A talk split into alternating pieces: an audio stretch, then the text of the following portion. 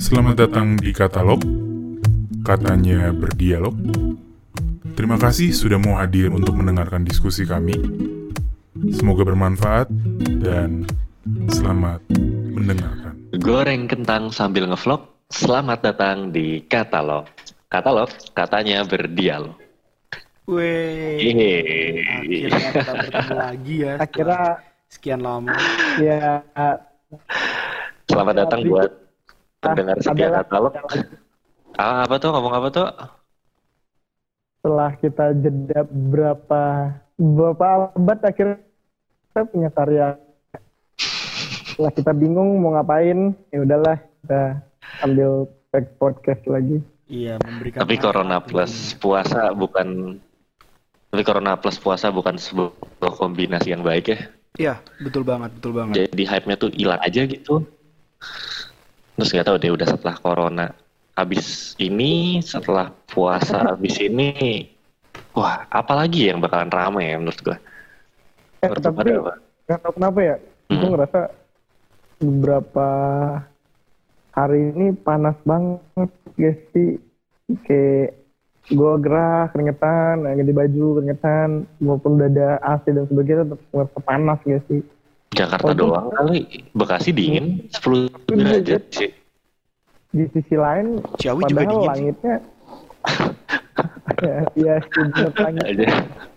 cerah biasanya kan kayak karena tuh burung-burung udah berkicau kayak emang bener ya tuh, orang bilang tuh banyak kan iklim kita tuh udah nggak menentu anjir ini kalau di bar di One Piece nih kita udah di ada di New York gitu Waduh. udah udah hujan men Waduh. kayak gitulah kayak ngerasa itu dunia One Piece apa bukan gitu kan ini gitu ibu kan Jadi kita mau bahas One Piece kan di episode kali ini. Bener. eh tapi gue gak ikutin One Piece loh, gue ikutin Naruto dan Boruto doang. Eh, kalau gue sih dari dulu yang pas gue selalu ikutnya adalah isu iklim karena ya, itu bagus nih, bagus nih.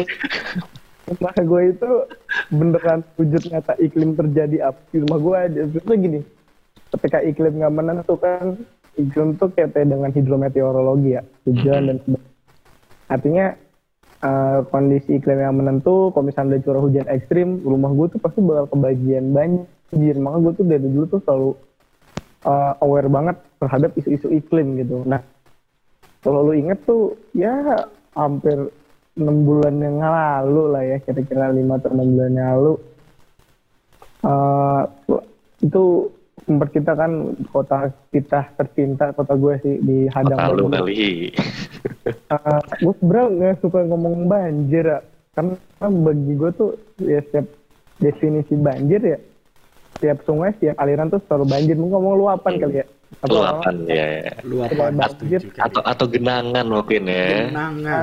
Eh, Tapi ya kalau kalau tadi nyambungin masalah iklim dan banjir sebenarnya ya eh, kalau yang dari bisa kita lihat secara eh, eh, in- kita mengakses informasi lalu kita ngelihat dari mata kepala sendiri sebenarnya permasalahan utama banjir nggak cuma masalah iklim tapi selain itu masalah banjir juga ya akibat tata kelola lingkungan. Dalam artian tata kelola kotanya tata kelola lahannya peruntukan lahannya dan sebaliknya gitu. Maaf dan sebagainya gitu. Kenapa gue bisa bilang kayak gini? Mungkin kalau kita sedikit mundur ke awal tahun 2020 kan sempat ada banjir tuh. Iya, Ya kan? banjir awal tahun ya. iya benar-benar.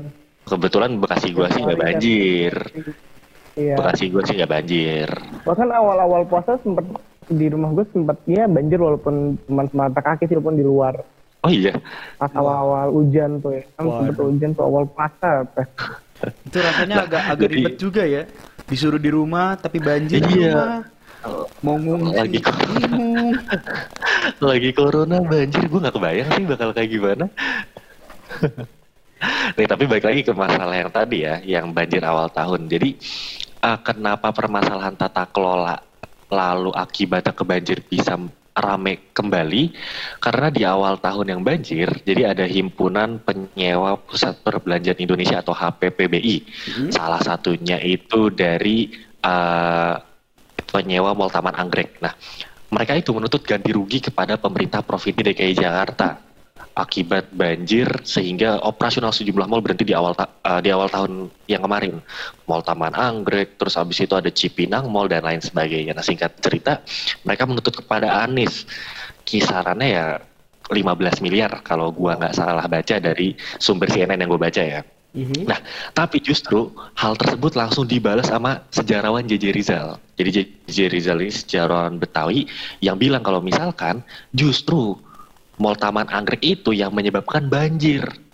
Bukan Pemprov DKI Jakarta. Karena Mall Taman Anggrek itu dia uh, tidak sesuai dengan um, tata kelola wilayah Jakarta dari tahun 1985 sampai 2005 nanti kita bahas nanti ya abis ini. Dan setelah gua telusuri lebih lanjut ternyata benar jadi kenapa disebut Mall Taman Anggrek? Karena dulunya itu merupakan hutan kota Tomang.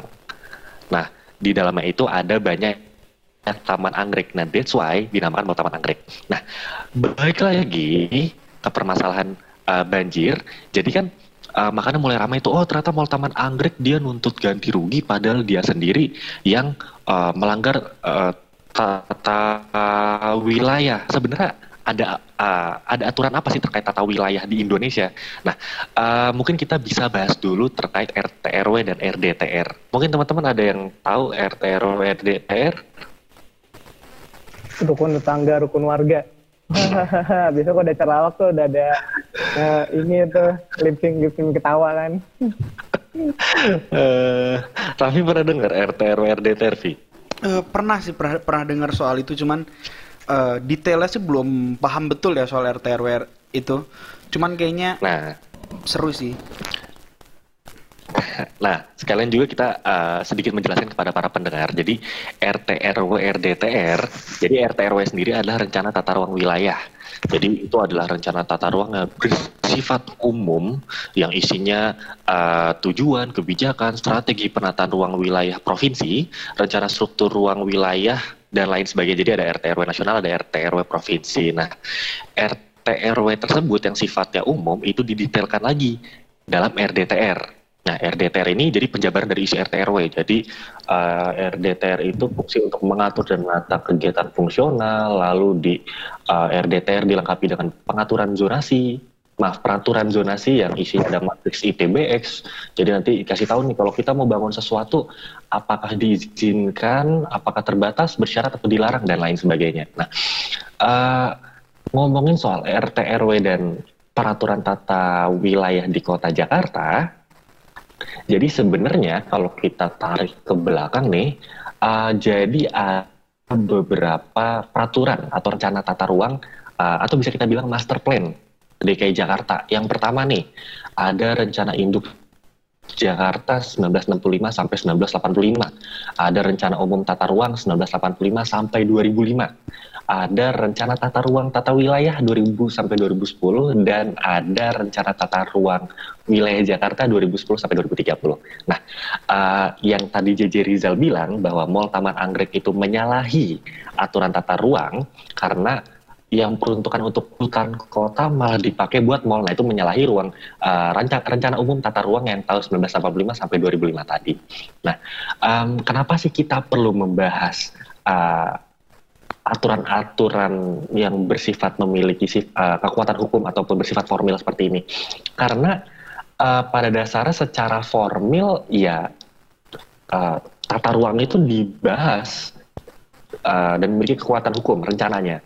Tapi kalau misalkan kita lihat buat apa sih rencana tata ruang? Oh ya udah kan dia untuk uh, memberikan segmentasi oh ada ruang ini ruang itu ruang peruntukan buat ini ruang peruntukan buat itu. Tapi kalau kita lihat dari empat master plan tadi uh, yang paling bisa kita soroti dan kaitan dengan banjir adalah berku berkurangnya ruang terbuka hijau.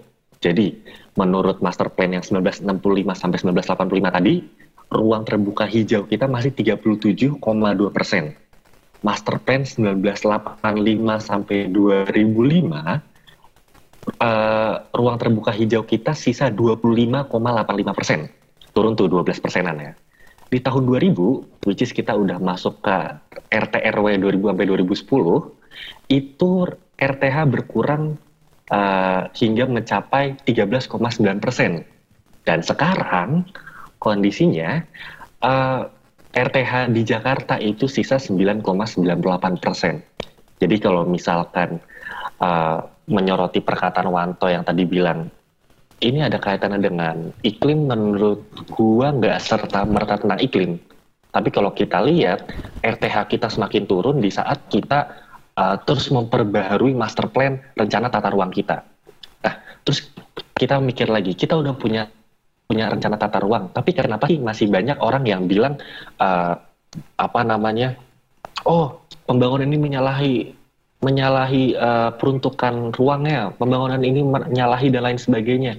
Ya karena memang kenyataannya seperti itu. Jadi bahkan tahun 2017 itu rencana tata ruang tata wilayah Jakarta direvisi. Supaya apa? Supaya nantinya proyek-proyek nasional itu bisa terakomodir dalam RTRW dan RDTR. Sehingga nantinya proyek-proyek nasional itu tidak menyalahi. Karena dalam, dalam RTRW itu ada aturan kalau misalkan uh, lu menyalahi ya lu akan dapat sanksi. Nah, kenapa direvisi? Ya karena tadi untuk menghindari hal tersebut dari uh, terkenanya sanksi. Wow. Terus um, kenapa untuk beberapa proyek lainnya tidak direvisi? Mm-hmm. Ya udah, kita nggak bisa. Maksudnya ini bukan sebuah teori konspirasi ya, tapi mungkin memang ini kenyataannya. Gue juga kurang tahu ya. Cuma kalau kita lihat ada banyak uh, hal yang kenapa sih banyak perubahan uh, peruntukannya yang mungkin memang uh, mendapatkan izin dari Pemprov DKI secara tangan terbuka. Contoh, contoh ya, contoh-contoh. Uh, misal kita kita ngomong nih ya, gue dapat data ini dari Kompas. Jadi kita ambil contoh kawasan Hmm, kelapa gading. Jadi kelapa gading ini dulunya adalah rawa, sawah dan daerah resapan air. Sekarang apa? Sekarang dia jadi kawasan pemukiman dan komersial. Efeknya apa? Uh, efeknya ya udah kita tahu kelapa gading adalah tempat langganan banjir 2007, 2013, 2015, 2016, 2017, 2019 dan terakhir 2020 di bulan Januari dan Februari dia banjir juga gitu. Dan ya udah kalau emang sekali lagi kalau emang dibilang banjir Jakarta adalah akibat dari iklim hmm, rasanya gue gue gue bisa sepakat tapi nggak 100% sepakat karena menurut gue di sini ada ada faktor dari uh, ketidakkonsistensi uh, rancangan tata ruang dan bagaimana pelaksanaannya sih kalau menurut gue.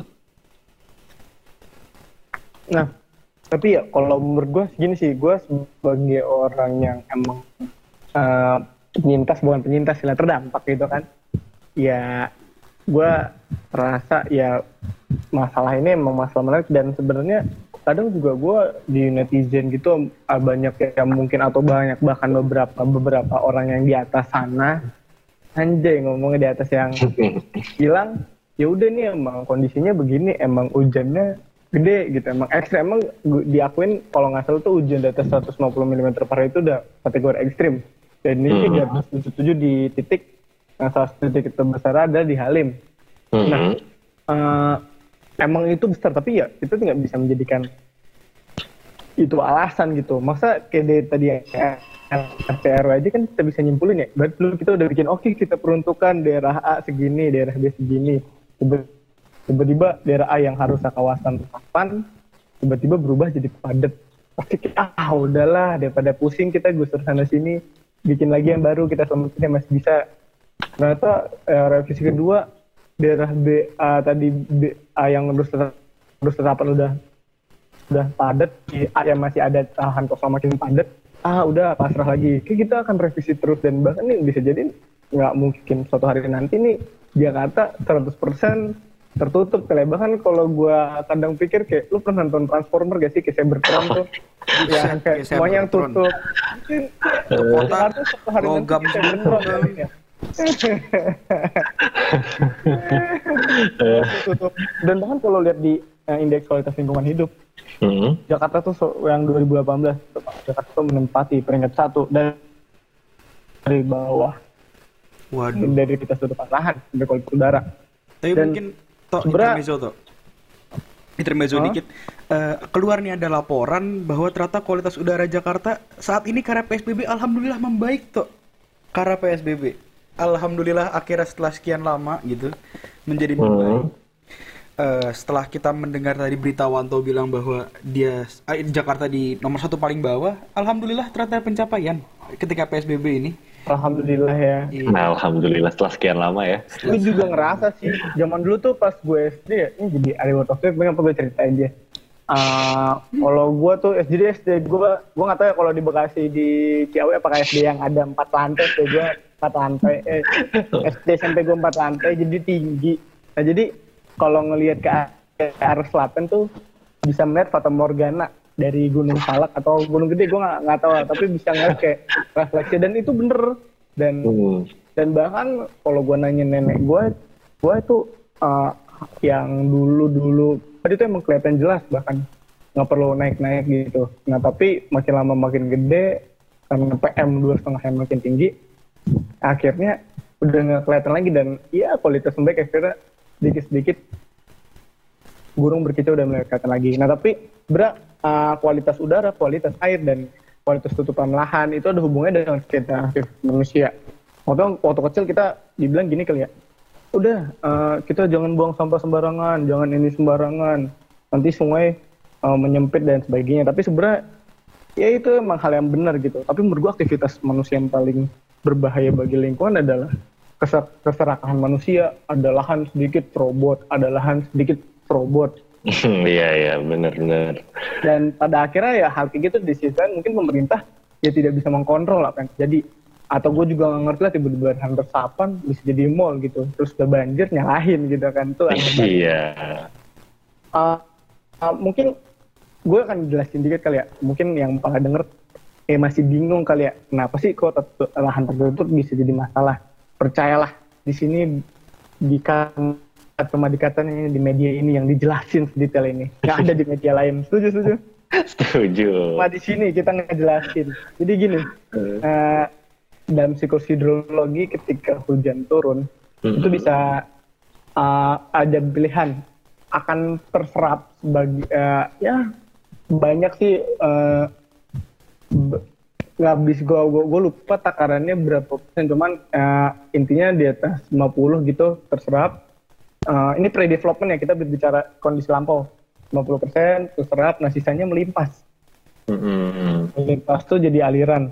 Dan ini di bawah juga ada yang jadi aliran tanah ada yang jadi kita di apa uh, air tanah dan sebagainya. Nah, masalah setiap masa gini dan harus saya ketika tanah itu yang tadinya bisa diserap air akhirnya ditutup dong. Akhirnya yang tadinya harus terserap akhirnya melimpas apalagi kalau dia gini kenapa tanah itu bisa menyerap air jadi kalau lo pernah lihat tanah itu ada pori-pori gitu kan hmm. dan bayangin ada tanah itu sih ada tabung-tabung kecil yang nyimpen-nyimpen air nah hmm. kalau diganti beton beton itu pori-porinya dikit akhirnya uh, yang ya ketutupan akhirnya harus diserap oleh tanah akhirnya terlimpas betul ya, oh. pada akhirnya lambat laun limpas limpasan itu membawa sedimentasi akhirnya terjadi penangkalan di sungai penyempitan di sungai dan pada akhirnya kualitas sungai memburuk. Dan di sisi lain ada kualitas uh, udara juga aktivitas semakin padat dan sebagainya akhirnya kualitas lingkungan buruk. Nah kalau secara sains gini kan ada rumusnya kan. Anjay, ini cuma dikatanya nih yang kita podcast kita bobot. Emang kita alhamdulillah kita bisa podcast pakai rumus ini luar biasa. Ya, jadi uh, banyak untuk mengukur sebuah limpasan itu banyak caranya. Nah, biasanya itu ada faktor namanya koefisien limpasan atau koefisien perputaran lahan. Betul. CN, ada juga C. Nah, yeah. uh, dan biasa tuh kita diukur kayak misalkan ada nih rumus satu namanya rumus yang metode rasional ini, ya metode rasional itu tuh selemah lemahnya rumus-rumus hidrologi betul jadi I adalah debit itu adalah sama dengan C C itu adalah koefisien tutupan lahan dikali I intensitas hujan dikali A luas area luas catchment. Hmm. nah makin C, C-nya itu akan mendekati satu ketika lahannya semakin tertutup. Jadi hmm. bisa dibayangin dong kalau misalkan C-nya yang jadi C itu uh, range-nya 0, 0 eh sorry 0 sampai 1 0,5 berapa dan semakin tertutup dia makin mendekati satu. Bayangin kalau yang tadi ya tanah kosong ya di bawah 0,5 tiba-tiba jadi satu gitu. Berarti bisa iya. berapa persennya gitu kan. Betul, Pada kira betul. Uh, itu yang menyebabkan terjadinya limpasan. Oh begitu. Nah tapi uh, eh lu tanggepin dulu dong. Nih gue jadi kayak dosen aja di sini. Mungkin ini, ini kali ya uh, teman-teman yang teman-teman pendengar nih yang mungkin uh, agak bingung kayak apaan sih koefisien runoff segala macam.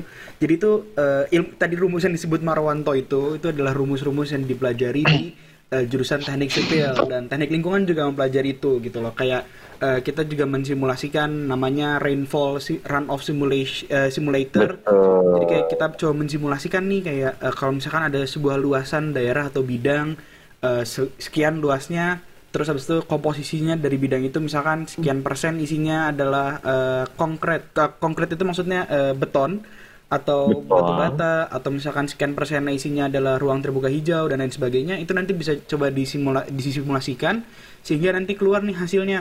Uh, oh berapa banyak air yang jadi run off run off itu adalah air yang tidak terserap masuk ke dalam tanah kayak gitu.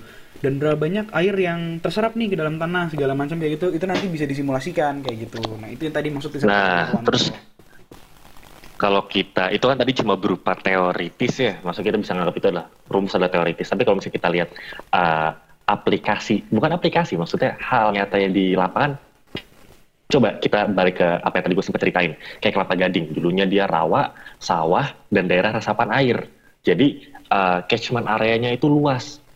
Jadi kalau misalkan zaman zaman dulu ya udah ketika air turun air hujan turun ya udah airnya itu masih bisa terserap. Dan sekarang ketika kawasannya uh, difungsikan menjadi pemukiman dan komersial apalagi nanti di menurut menurut RW 2010 sampai 2030 difungsikan sebagai pusat niaga ketika catchment area semakin kecil uh, koefisien CN tadi semakin mendekati angka satu ya udah hasil apa? Hasil yang kita lihat sekarang, mulai dari tahun 2013 banjir, 2015 banjir, 2016 banjir, 2017 banjir, 2019 banjir, 2020 banjir. Jadi uh, kalau kita lihat penerapan di lapangannya kurang lebih seperti itu. Nah, ini dan itu kan tadi faktornya ya, maksudnya ya secara alam dan sebenarnya kita ada hal juga gitu yang bisa kita kritisin kan selain masalah RT RW tadi kalau gue lihat juga udah mungkin banyak juga dari kita yang kayak udahlah nih kota udah mau jadi cybertron gitu ya udah udah nggak ada air lagi yang bisa masuk gitu kan. Uh, jadi gimana solusinya? Begini uh, jadi gue mau ngasih tau nah ini juga baru ada nih dia katanya nih belum ada yang pernah membahas ini. Hmm. ya apa kita masih awal masih harus banyak promosi. Gimana tuh uh, dalam pengelolaan limpasan hujan atau sumber daya air yang mungkin uh, ada ibaratnya ada dua paradigma gitu. Jadi mungkin uh, kalau zaman dulu nih maksudnya ya yang masih masih di kayak di negara berkembang mungkin ya udah air tuh turun ya udah lu di, gimana caranya tuh air bisa terus-terusan dialirin jadi air datang oh, alirin bikin saluran gimana mana saluran digedein segede-gede mungkin gitu kan. Wah hmm. salurannya kurang gede gedein. Oh salurannya masih tanah. Jadi beton biar alirannya makin cepat. Nah pada pada akhirnya ya hal itu sebenarnya ya emang efektif untuk mengurangi limpasan tapi sebenarnya itu tidak memberikan habit baik pada lingkungan gitu kan. Hmm. nah dan juga uh, dan ya mungkin teman-teman ya itu hal-hal sekitar kita. Kayak misalnya teman-teman ada yang lihat got-gotnya di beton dulu gotnya kecil dulu gotnya gede gitu kan kali di gede di beton di tanggul gitu. Tapi ada juga paradigma yang dibilang bukan modern kali ya istilahnya ya low impact development gitu. Nah pembangunan yang impactnya rendah. Biasanya dia pakai namanya kalau yang teman-teman mungkin sering dengar juga nama pakai green infrastruktur. Jadi ada infrastruktur infrastruktur khusus yang emang uh, dia di, diterapkan di suatu kawasan supaya uh, kawasan itu pengelolaan limpasan hujannya baik. Mungkin uh, logikanya gini kenapa kira itu biasanya kan jadi dulu kan yang yang tadi gue se- dan sebelumnya itu kan berarti kita mau mikirin air yang turun jadi lawan jadi limpasan gitu jadi air yang udah jadi langsung di sungai tapi kita lupa kalau air itu emang sumbernya bisa harus deh kita harus meniru siklus hidrologi, hidrologi awal. Kalau air itu diserap dan sebagian yang terserap sebagian lagi yang melimpas. Jadi sebisa mungkin ya gimana kita meniru siklus hidrolo- hidrologi. Hmm. makanya kalau di green infrastructure banyak kan kayak misalkan lu ada drepon ada uh, green roof dan sebagainya. Itu gimana kita meniru kualitas uh, siklus lingkungan yang yang dulu supaya menyelesaikan masalah dan uh, mungkin kalau teman-teman bingung kayak ini Jakarta gimana ya? Kalau mau lahannya kurang tapi kalau misalkan mau dibuat lahan terbuka harus gusur ntar ribut sana sini lagi. Ya sebenarnya kalau pakai pakai konsep itu ya uh, bisa-bisa aja gitu. Maksudnya emang itu ya harusnya mungkin di beberapa kota bahkan udah pakai hal kayak gitu.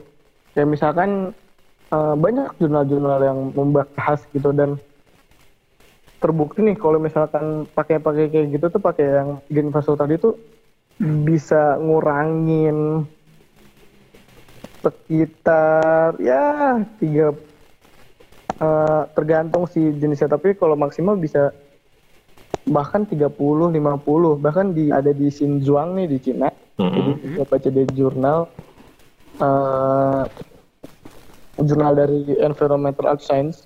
Itu bahkan bisa ngurangin limpasan itu 20% dari limpasan normal gitu jadi dia, dia bisa ngurangin 24% dan kemampuan infiltrasinya itu naik bisa sampai 71%.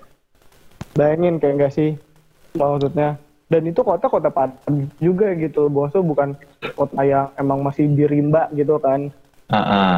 Nah, eh sebenarnya ini ya yang mungkin harus kita masih awam tentang paradigma ini ya. Pembangunan kita tuh lebih banyak ya udah hanya berfokus terhadap ekonomi terhadap gimana pe- pengurangan dampak terhadap dari dari rusak air tadi tapi kita lupa terhadap kalau misalkan ya pembangunan terbaik adalah pembangunan yang berteman dengan lingkungan gitu Betul, betul. ya uh, kalau misalnya kita lihat arah ya banyak kan kalau lu sih kalau di jalan-jalan tuh kayak ya gedein got Hmm. uh, terus uh, bikin apa bendungan kering di Sukamahi dan Ciawi bikin tanggul dan sebagainya. Itu gue tidak bilang salah itu benar ya memang uh, se- seharusnya infrastruktur fisik ya seperti itu. Tapi di sisi lain harus diimbangi dengan pembangunan yang tadi berarah kepada lingkungan tadi gitu loh.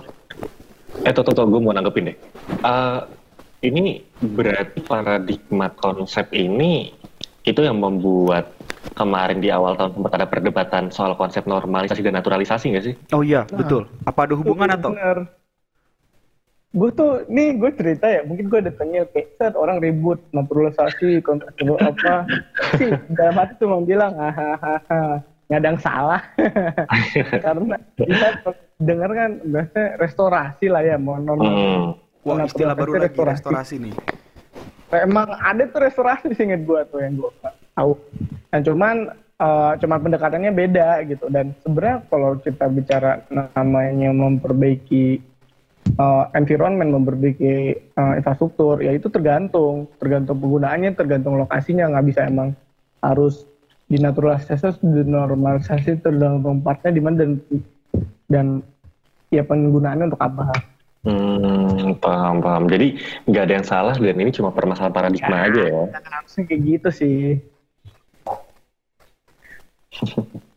Tapi uh, dan bahkan ya sebenarnya kalau misalkan konsep-konsep dari low impact development atau ya friendly-nya nyebutnya green infrastructure tadi ya. Hmm. Itu tuh bukan cuma soal limpasan tapi itu ngurangin NO2, ngurangin sulfur. Ah, dan itu juga uh, bisa menghemat menghemat energi Nah, dan se ini tuh jadi juga gue pernah baca juga. Jadi pernah di suatu jadi ada lah ini di suatu daerah di contoh itu nih gue ambil dari the sumbernya the value of green infrastructure with recognizing its economic, environmental, and social benefit. Jadi itu semacam Mantep. guidebooknya, guide, macam guidebook dari situ ada hitung-hitungan kasar jadi pernah dicoba dalam meluas ini green roof ditempelin di suatu atap dan luasnya itu 5000 feet feet persegi gitu. Mm -hmm. Nah, biaya operasinya itu bisa berkurang sampai 800 dolar per hari gitu. Hmm. Dan itu juga uh, dan sebenarnya juga pas dihitung-hitung juga dibanding lu pakai gede-gedein got dan sebagainya, itu tuh malah lebih hemat 30% secara biaya gitu. Cuma ya dan ini juga bahkan kalau belum bisa mungkin bisa tadi bisa di pokoknya ini juga uh, karena dia ngurangin polusi dan sebagainya juga dia nge-saving energi dan sebagainya juga dan itu terbukti membuat lingkungannya lebih adem enggak lebih menurunin suhu suhu juga begitu itu sih sebenarnya keuntungan-keuntungannya hmm. cuma ya masalahnya juga emang kalau dari gue ya emang belum ada hal-hal kayak gitu masih dalam konsep gitu dan emang belum familiar di Indonesia khususnya. Entah mungkin emang karena nilai proyek kecil atau sebagainya tapi emang ribet juga dalam penerapannya. Tapi balik lagi setiap ada pembangunan tuh setiap ada ada konsekuensi yang harus diambil. Dan emang sebenarnya uh, konsep LED ini belum diterapin dalam kebijakan regulasi. Ingat gue ya gue mungkin nanti para pendengar bisa koreksi kalau salah belum ada peraturannya gitu. Dan bahkan dalam penyusunan zonasi kalau lihat RDTS sebagai zona itu hanya peruntukan. Oh ini peruntukan untuk eh, untuk residensial ini peruntukan untuk untuk ini ya kan? Tapi belum ada. Hmm. kayak di pemukiman ada zoning kecil lagi yang berisi tentang oh, oh ini uh, konsep LED-nya begini loh masih belum seperti itu gitu loh. Beda kalau misalkan kita contohnya ambil yang salah yang terbaik Belanda gitu kan. Hmm. dan pada akhirnya ketika ada konsep begini ya dan dengan bumbu politis yang ada akhirnya hanya hitam dan putih yang adanya gitu kan. Mungkin regulasi yang sekarang berlaku di Indonesia ya apa nggak jauh-jauh dari amdal-amdalan paling ya? Iya itu maksudnya oh itu juga masalah juga tuh uh, masalah juga kan kayak gue juga nggak ngerti tuh ya itu tiba-tiba dari lapangan terbuka apa ya bukan ruang terbuka tiba-tiba jadi mall ya itu kan pasti menyalahi RTR, menyalahi RDTR, yeah. dan itu yeah, juga betul, betul, betul. mengubah bentuk rupa bumi, misalnya apalagi dia ah, yang tadi dataran cukup tinggi dan sebagainya kan, tiba-tiba bisa berdiri gitu. Dan gue nggak ngerti ya emang amdal ada dan sudah sesuai amdal atau nggak ada amdalnya gitu. Padahal. Nah, kenapa padahal?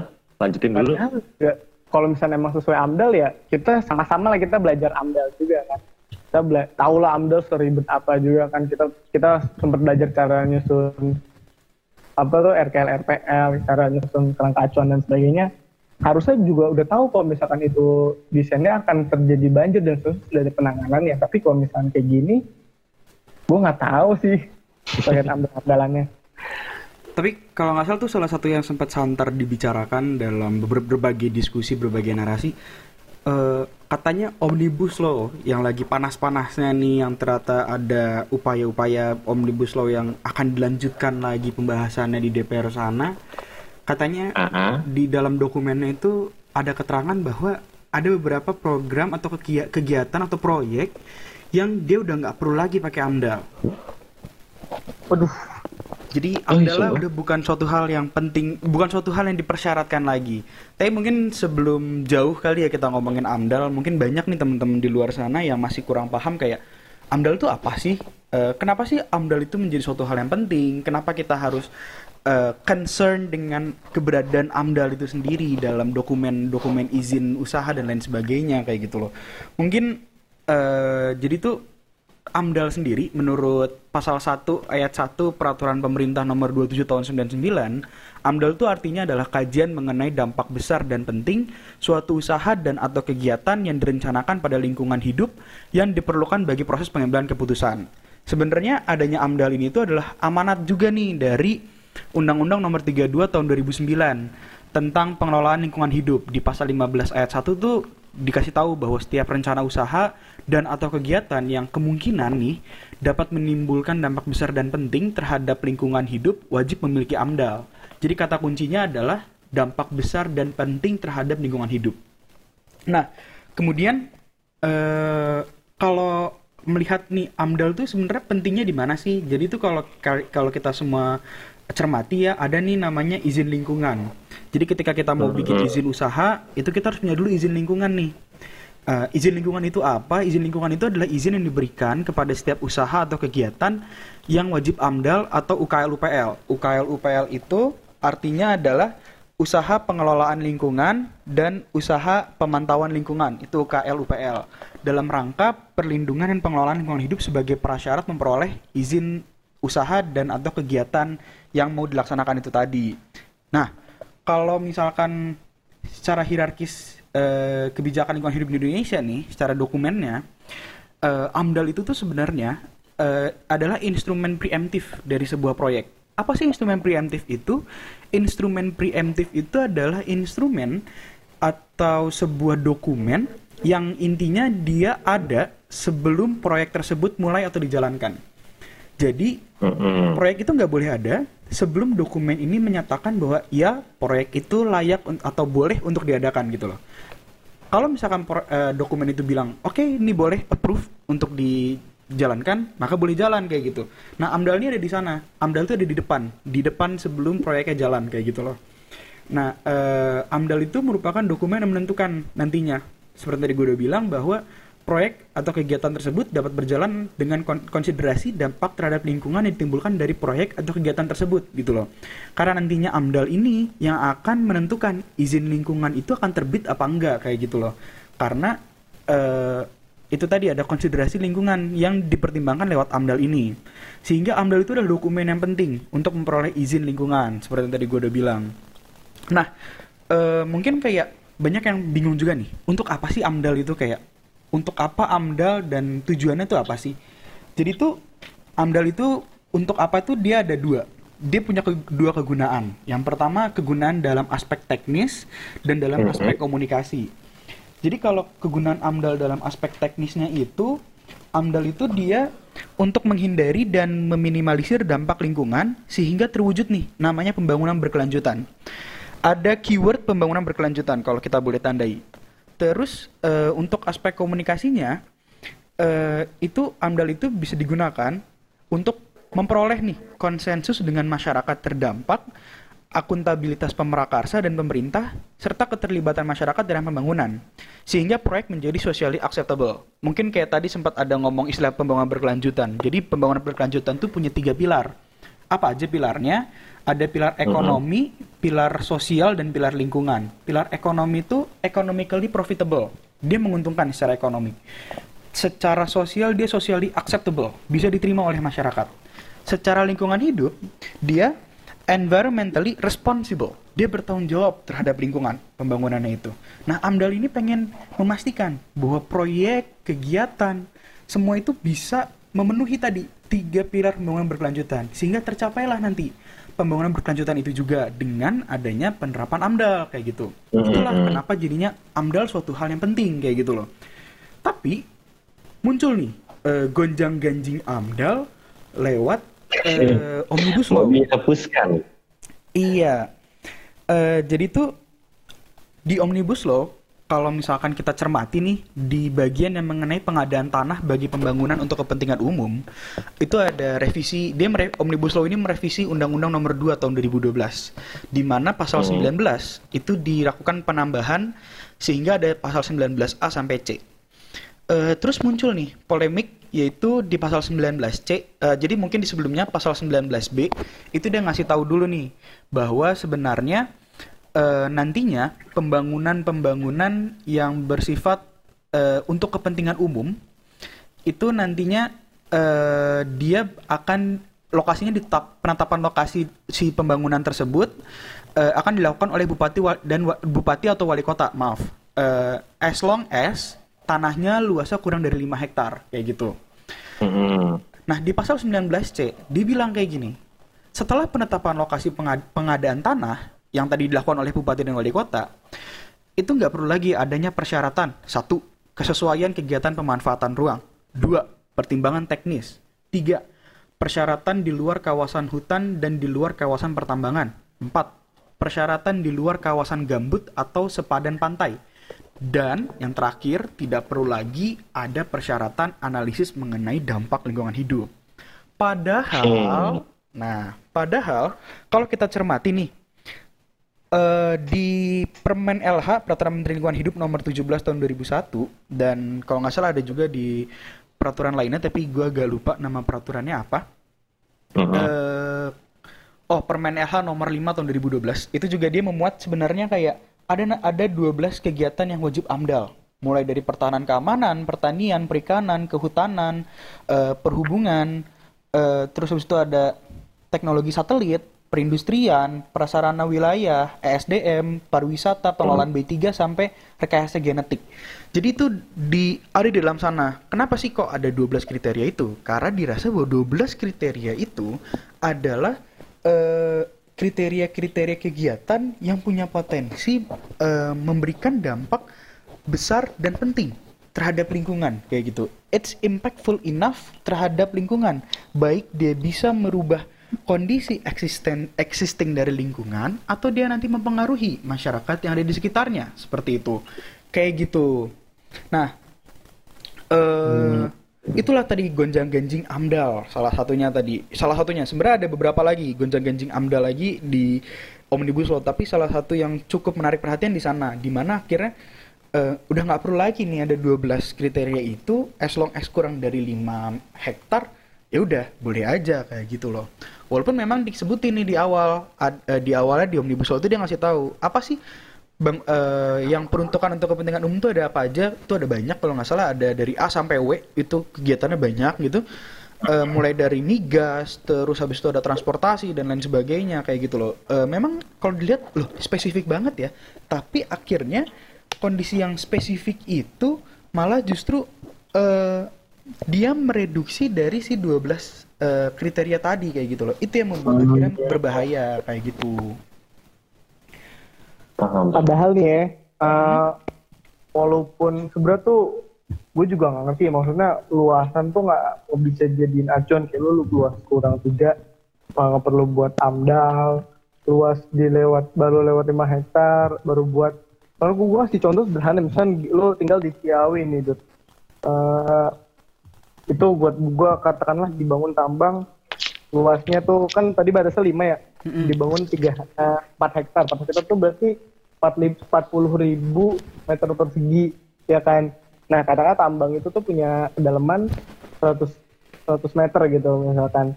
Jadi empat puluh ribu meter persegi dikali 100 itu berapa? Itu 4 juta meter kubik. Nah mm-hmm. makanya lu bayangin itu kan kalau tambang itu nggak boleh ke banjiran dan harus ngeluarin air artinya di situ ada potensi 4 juta meter kubik air yang harus di yang tadi bisa jadi penyerapan dan harus dikeluarkan dari situ. Dan ujung-ujung akan berdampak ke warga. Itu tuh 4 juta meter kubik. Kalau dipakai buat cebok warga Ciawi waduh. Sampai memar-memar tuh pantatnya tuh. Tapi tapi menurut gue terlepas dari apa seberapa luas uh, misalnya kayak harus 5 hektar berhubung amdal menurut gue sangat disayangkan sih. Sangat disayangkan dalam artian apa ya? Dalam artian ketika lo mengubah 100 meter persegi untuk dijadikan fungsi lain dalam artian yang tadi di daerah Rasapa terus lo jadikan uh, menjadi fungsi pemukiman atau komersial yang dalam bentuk beton ya itu aja udah mengurangi koefisien limpasan seperti yang udah kita bilang tadi kan. Dan itu tentunya mempengaruhi bahwa akan terjadi kenaikan koefisien senilai berapa persen yang ya udah pada akhirnya mengakibatkan air airnya melimpas gitu. Eh tapi kayaknya untuk ngomongin omnibus law ini apalagi dari aspek lingkungannya menurut gue tuh waktu sejam atau dua jam aja nggak cukup. Nah, tapi mungkin teman-teman yeah. dan ya kita kalau misalnya podcast kita lanjutin nih mau unek-unek kita nih ya sampai subuh kali mungkin gak sampai. Tapi nah, mungkin tapi permasalahannya kalau maaf potong dulu? Tapi selain selain omnibus law yang kita bisa bahas masalah lingkungan banyak juga loh yang bisa kita bahas. Masalah nah. transportasi bisa kita bahas juga ya kan? Nah benar. Ada juga dari masalah uh, kehutanan kehutanan juga masalah pengadaan lahan masalah sumber daya air dan emang sekompleks itu ternyata itu uh, namanya namanya satu jagat gitu Nah mungkin kalau teman-teman masih penasaran nih tentang ini, ini kita akan kupas tapi nggak hanya tapi kita janji kita akan bakal bikin edisi spesial uh, tentang omnibus law. Kita akan menjawab semua hal. Kita akan mengupas hal-hal yang nggak dikupas oleh media mana pun, oleh platform mana pun, dan cuma ada di katanya. Betul. Jadi buat teman-teman semua harus ikutin terus uh, katanya katalog spesial omnibus law setelah ini mungkin setelah lebaran kita ya akan ya tergantung rakyat memanggil aja gitu. Iya. kita akan publish setelah lebaran dan juga kita juga bakal keluarin rubrik-rubrik uh, impulsif dan menarik lainnya tentunya. Betul banget. Mungkin any last words dari Raffi dan Wanto? Ya buat teman-teman semua sih yang mulai ketar-ketir nih mikirin soal lingkungan dan lain sebagainya. Mungkin gue mau ngasih clue aja nih buat biar kalian nanti lebih pengen apa penasaran lagi. Jadi dengan hilangnya AMDAL berarti tandanya ada reduksi peran masyarakat sebagai elemen terdampak dalam menyuarakan pendapat untuk mencapai konsensus bersama demi mencapai proyek yang socially acceptable. Nah ini uh, sebenarnya ini poin penting banget karena tadi AMDAL sebagai instrumen komunikasi. Nah makanya untuk biar lebih pengen tahu lagi nih, biar lebih jelas lagi, jangan lupa dengerin podcast kita nanti yang selanjutnya yang memang khusus kita akan bahas Omnibus Law lebih dalam lagi nantinya. Dari Wanto, ada kata-kata terakhir tuh?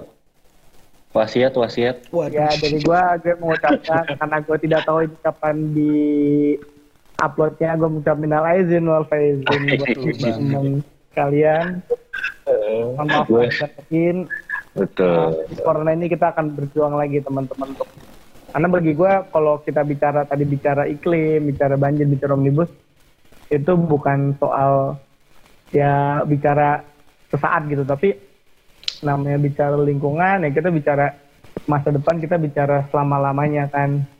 Eh, semoga aja nggak ada lagi hal-hal yang digunakan untuk mengobral alam kita demi kepentingan beberapa orang yang pada akhirnya ya udah kalau misalnya dulu saya sih lagunya orang bilang tanah kita tanah surga ya mungkin suatu hari nanti kan omnibus lagunya ganti. Orang bilang tanah kita tanah neraka begitu kali.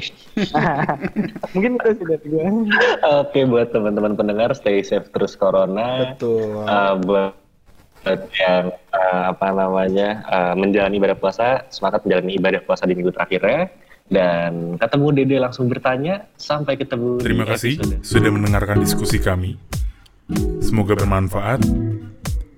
Ketemu Dede langsung bertanya. Sampai jumpa di episode selanjutnya. Terima kasih.